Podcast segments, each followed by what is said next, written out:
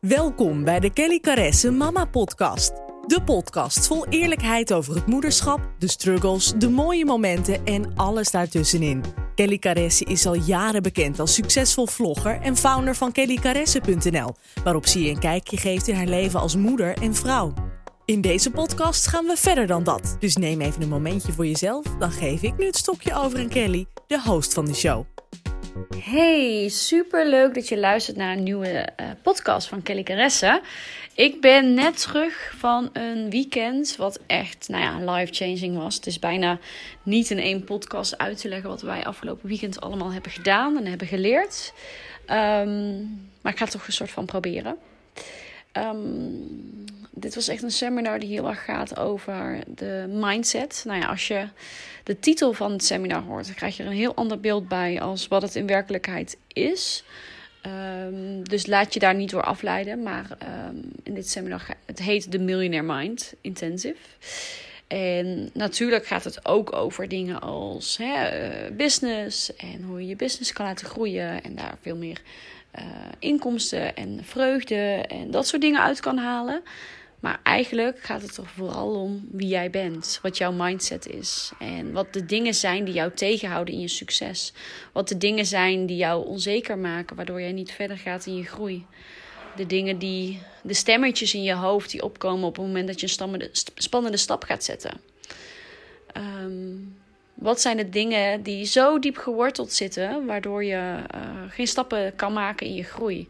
En soms zie je dat zelf niet eens in. Denk je, nou, het gaat eigenlijk best wel goed. Dat dacht ik ook. Um, jullie hebben, degene die mijn podcast vanaf het begin tot met nu volgt, weet dat ik een hele reis al heb doorgemaakt. En ongeveer anderhalf jaar geleden stapte ik in de trein die persoonlijke ontwikkeling heet. En um, elke keer leer je heel veel bij en denk je, nou, ja, ik heb ook een, een business coach gehad voor het gebied van business. En uh, daarbij ga je ook heel veel persoonlijke dingen bespreken. Want ja, alles wat je persoonlijk tegenhoudt en persoonlijk nog uh, verwerking en dat soort dingen nodig heeft, houd je ook tegen in je bedrijf. Dus daar heb ik een heel fijn traject in gehad. Maar ook een, uh, een psycholoog om een stukje live coaching te krijgen over dingen die ik nog moest verwerken. Uh, ik heb heel veel boeken gelezen en steeds kom je een stukje verder en ga je een stukje dieper als een soort van ui die heel veel lagen heeft. En elke keer als je weer een stukje leert en dingetjes verwerkt, gaat er weer een laag van af. En um, kom je steeds weer bij de kern. En dat is je ware ik. En je ware ik is eigenlijk de, de beste versie van jezelf. Die alles kan wat hij maar wil. En altijd zijn passie en dromen volgt. En zich niet laat tegenhouden door de mening van anderen of door angsten en uh, overtuigende stemmetjes die zeggen van nee, maar dit is niet voor jou weggelegd of nee, dit kan je niet. Ik pak even mijn boekje erbij, want ik heb echt enorm veel geschreven. En um, ik ga de dingetjes eruit halen die echt gaan over persoonlijke ontwikkeling en mindset. Dus echt niet het zakelijke stuk, maar echt het stukje wie ben ik en wat zijn de dingen die ik geleerd heb. En daarbij hebben we ook allerlei oefeningen gedaan. Um, die je eigenlijk uitdagen om veel dieper te gaan denken en voelen en gaan reflecteren. En een van die oefeningen ga ik beschrijven. Ik wil er alleen wel bij zeggen dat als je er dit weekend niet bij was en je vindt dit allemaal heel zweverig en vaag, ga dan vooral niet verder luisteren, want dan ga je dit heel raar maf vinden. En uh, dan kun je dit totaal niet levelen met wat ik nu vertel. Maar op het moment dat je denkt, ik wil het toch horen en uh, ik ben heel benieuwd, dan wil ik je vragen om dit met respect te, te, te, beluisteren en er voor jezelf uit te halen waar jij iets van kan leren. Nogmaals, het is heel kwetsbaar, het is heel persoonlijk en um, ja, daar, moet je wel voor openstaan om, dat, om daar uh, open-minded naartoe te kijken in plaats van gelijk je mening daarover te vormen. En ehm nou ja, we leven denk ik allemaal. Uh, op het moment dat we onzekerheid ervaren, dan uh, is dat het heel makkelijk om naar anderen te kijken. En, en we spiegelen het vaak op anderen. Van nou, moet je hun zien, zij doen dit en dit. En eigenlijk zijn die momenten hè, die we allemaal hebben, een teken van een stukje zwakte bij jezelf. Of een stukje waar je zelf nog in te verwerken hebt, of in op te lossen hebt, of te leren hebt. Je ziet iets van een ander en in eerste instantie keur je het af. Want het komt binnen en je denkt, hoe, nee, dat is niks voor mij. Of dat, dat is raar, of weet ik het wat. Maar het zegt eigenlijk heel veel over dingen die je nog wil verwerken. En dat is heel erg mooi eraan. En um, ehm, we hebben allemaal dingen die, uh, die uh, bepaalde angsten die we, die we uh, willen doorbreken. En soms is het heel goed om die letterlijk te doorbreken. Nou, we gingen een oefening doen en echt, ik geloofde er helemaal niks van dat we dit gingen doen.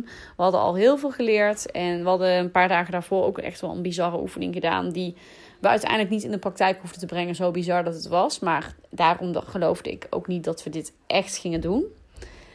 En um, de bedoeling was dat we, uh, we waren daarvoor al bezig geweest met het opschrijven van onze angsten. De dingen die ons tegenhouden in ons dagelijks leven. De dingen die ervoor zorgen dat we uh, onszelf klein houden, onszelf klein maken en ons verdedigen tegenover anderen. Ons verantwoorden.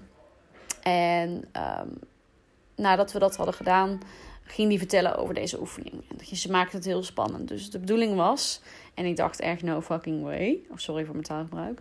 De bedoeling was dat we een houten pijl met een punt op onze keel zouden zetten. Nou ja, als je dit nu hoort, denk je echt bizar. Dacht ik dus ook. Um, net het puntje boven dat bordje. Dus daar zit een soort van kuiltje. En dat is heel sterk. Daar, daar ben je gewoon heel sterk. En daar moesten we een pijl op zetten. En, en iemand anders moest de pijl aan de andere kant tegenhouden. Het was een houten pijl. En um, um, door te gaan doordrukken, breekt hij. Nou, ik dacht echt, ja, heel leuk dit, maar dat gaan we vast niet doen. En dat gaat hem niet worden. En dat durf ik niet. En waarom zou ik dat doen? Weet je, wat, wat heeft dat nou voor nut? Hè, ik, ik snapte niet um, de metafoor hiervan. Dus ik begreep niet wat ze hiermee wilden. Uh, welke vertaalslag ze wilden maken naar bepaalde emoties waar je doorheen wil komen. En uh, hij was het aan het uitleggen. Hij maakt het ook heel spannend van zorg dat je hem, en hij heeft wel gelijk, maar zorg dat je hem niet hoger zet, want dan kan je jezelf verwonden. Zorg dat je een bril draagt. Uh, we moesten een, uh, een contract tekenen dat als er wat zou gebeuren, dat het onze eigen verantwoordelijk was. Dus de spanning werd heel hoog. Dus ik denk, leuke grap, dit, dit gaat niet gebeuren. Dit zal wel niet gaan gebeuren, want dat is gewoon gevaarlijk, weet je wel. Gaan we hier met z'n allen pijlen door onze keel te duwen. Dat is toch wel heel raar. En ja, hij maakt het natuurlijk zo spannend. Zo van, nou, en als je dit... Hè, je moet dan ook niet je hoofd draaien, want dan heb je hem echt in je keel zitten. En dan, dan zit je daar op de EHBO met die, keel, met die pijl door je keel. Hè, dwars, zeg maar. En als het een soort piercing is in je keel. Nou, ik dacht echt, nou, ik weet niet hoor. Maar dit is echt uh, te bizar voor woorden. Ik ga even naar de pagina die ik hierover heb opgeschreven. Nou, wat dus de bedoeling was, is breek de houten pijl. En daarop staat, moet je dus je angst opschrijven, waar je dus doorheen wil breken. En dat ga je dan letterlijk in een oefening doen. En ik dacht, het zal niet gaan gebeuren. Het zal wel een grap zijn. Hij was ook heel erg aan het uitstellen en aan het uitleggen. En dan ging ze het voordoen en dan stopte hij toch weer. Dus ik denk, we gaan dit niet doen. Maar goed, we moesten groepjes vormen vervolgens. En uh, er moest één leider zijn. Nou, Uniek koos daarvoor. Want het moest iemand zijn die een militaire achtergrond had. Nou, dat is Uniek. Of een medische achtergrond. Maar goed, dat heeft je eigenlijk beide ook hè, als brandweerman. Dus hij was daarin een hele goede leider. En hij moest de pijlen gaan ophalen, hij moest uh, handschoenen ophalen en veiligheidsbrillen. Dus ik denk, nou, dit, uh, iedereen speelt gewoon mee. Uh, volgens mij, ja, ze, ze laten het wel heel echt lijken dat we het echt gaan doen. Dus ik voelde heel erg van die onzekerheid van, ja, gaan we dit wel of niet doen? Ik merkte ook in mijn omgeving, sommigen die ja, begonnen echt wel heel angstig te worden. En, en ik had zoiets, omdat ik het nog niet geloofde, voelde ik het, die angst ook nog niet echt. En um, vervolgens, um, oh ja, één ding. Mocht je deze seminar nog gaan volgen, is dit wel een spoiler. Dus um, ga stop vooral met luisteren naar deze podcast als je er nog naartoe wil. Maar ik weet ook niet of ze deze elke keer doen.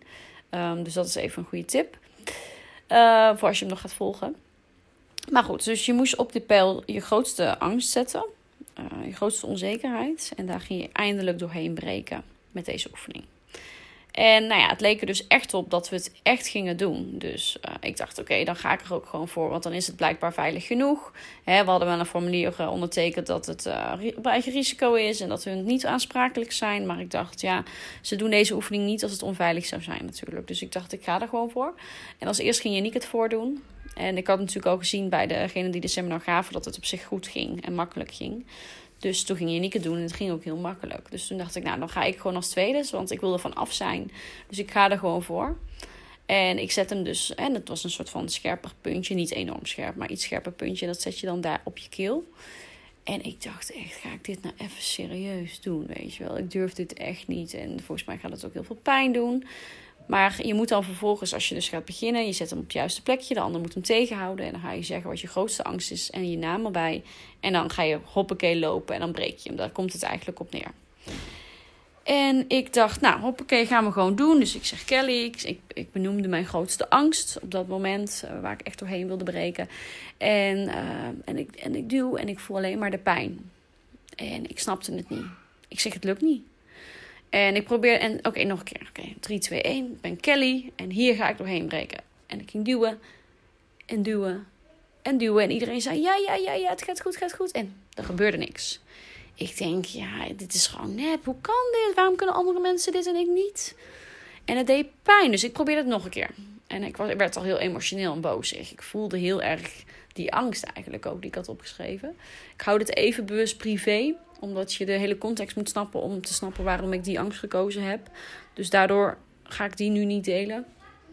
Um, maar goed, ik voelde heel erg die angst. En ik voelde dat het niet lukte. En ik, ik wilde heel graag. Dus toen zei Janiek, hey, probeer het nog maar een keer. Nou, ik nog een keer proberen en ik werd boos. En het lukte niet. Dus ik zei, het lukt niet. En het doet superveel pijn. En ik voel het in mijn keel. En het is niet veilig. En ik voelde al die angsten van ja, die blemmerende overtuigingen die dus ook in het echte leven voorkomen. Van nee, ik kan het niet en dit is niet goed en dit is niet veilig. En toen zei hij, je mag, je mag weer stoppen. Of je doet het bijvoorbeeld straks opnieuw. En toen zei ik nee, ik voelde de vastberadenheid. Ik ga ervoor doen. Ik ga het nu of nooit doen. Ik ga ervoor. Ik ga niet nog eens toekijken hoe anderen het dan doen en dan daarna hopen dat het wel lukt. Want dan bouw je nog meer spanning op. Dus ik dacht, ik ga het doen. En ik werd boos en al emotioneel. En, en ze zei ook echt, ga schreeuwen, voel dit. Benoem waar je bang voor bent en schreeuw. Dus dat ging ik doen. En ik, ik ging door en door. En toen brak hij. En toen brak ik ook. Ik, ik, ik brak letterlijk. Yannick tilde me op, vol trots. Hoe trots hij was dat ik hier doorheen was gebroken. Dat, dat ik het had gedaan, dat het me was gelukt. En iedereen was vol overwinning, maar aan het toejuichen, knuffelen en trots. En ik vond het echt prachtig. Het was echt, ja, ik word eigenlijk weer emotioneel als ik het nu zeg. Omdat je dan eigenlijk al de hele dag bezig bent met het verwerken van dingen, het opschrijven van dingen, je angsten, je blokkades, waarom het je tegenhoudt, dat soort dingen. En dan ga je het vervolgens eigenlijk in een hele aparte oefening voelen. En ik voelde het en ik brak en ik voelde dat ik er doorheen was gebroken en ik voelde dat ik het kon. En daarna heb ik gezien hoe de anderen deden. En die hadden ook weer zulke bijzondere, mooie doorbraken letterlijk. En zoveel dingen dat ik... Ja, er waren van alle leeftijden waren er. Hè, jong, oud. En ook echt wel vrouwen die, waarvan, ik, waarvan ik hoorde dat ze moeder waren. En zelfs al oma. En dat ze nog steeds ervoor kiezen om, om zo aan zichzelf te werken. En zelfs zo'n angst waar, waar mensen niet eens over durven praten, te delen en vervolgens daar doorheen te breken. Dat was echt zo moedig en zo mooi. En daarna gingen we het natuurlijk na-evalueren eh, met, de, met degene die de seminar leidde. En um, toen zei hij van, um, ja, wie van jullie uh, lukte dat niet meteen en duurde het langer? Nou ja, ik stak mijn hand op, ja, ik. Um, en hoe voelde dat? Deed dat veel pijn? Ja, dat deed heel veel pijn. He, degenen die dus ervoor gingen en hem gelijk braken, die hadden heel even die pijn. En hoppakee, hij brak en het was klaar.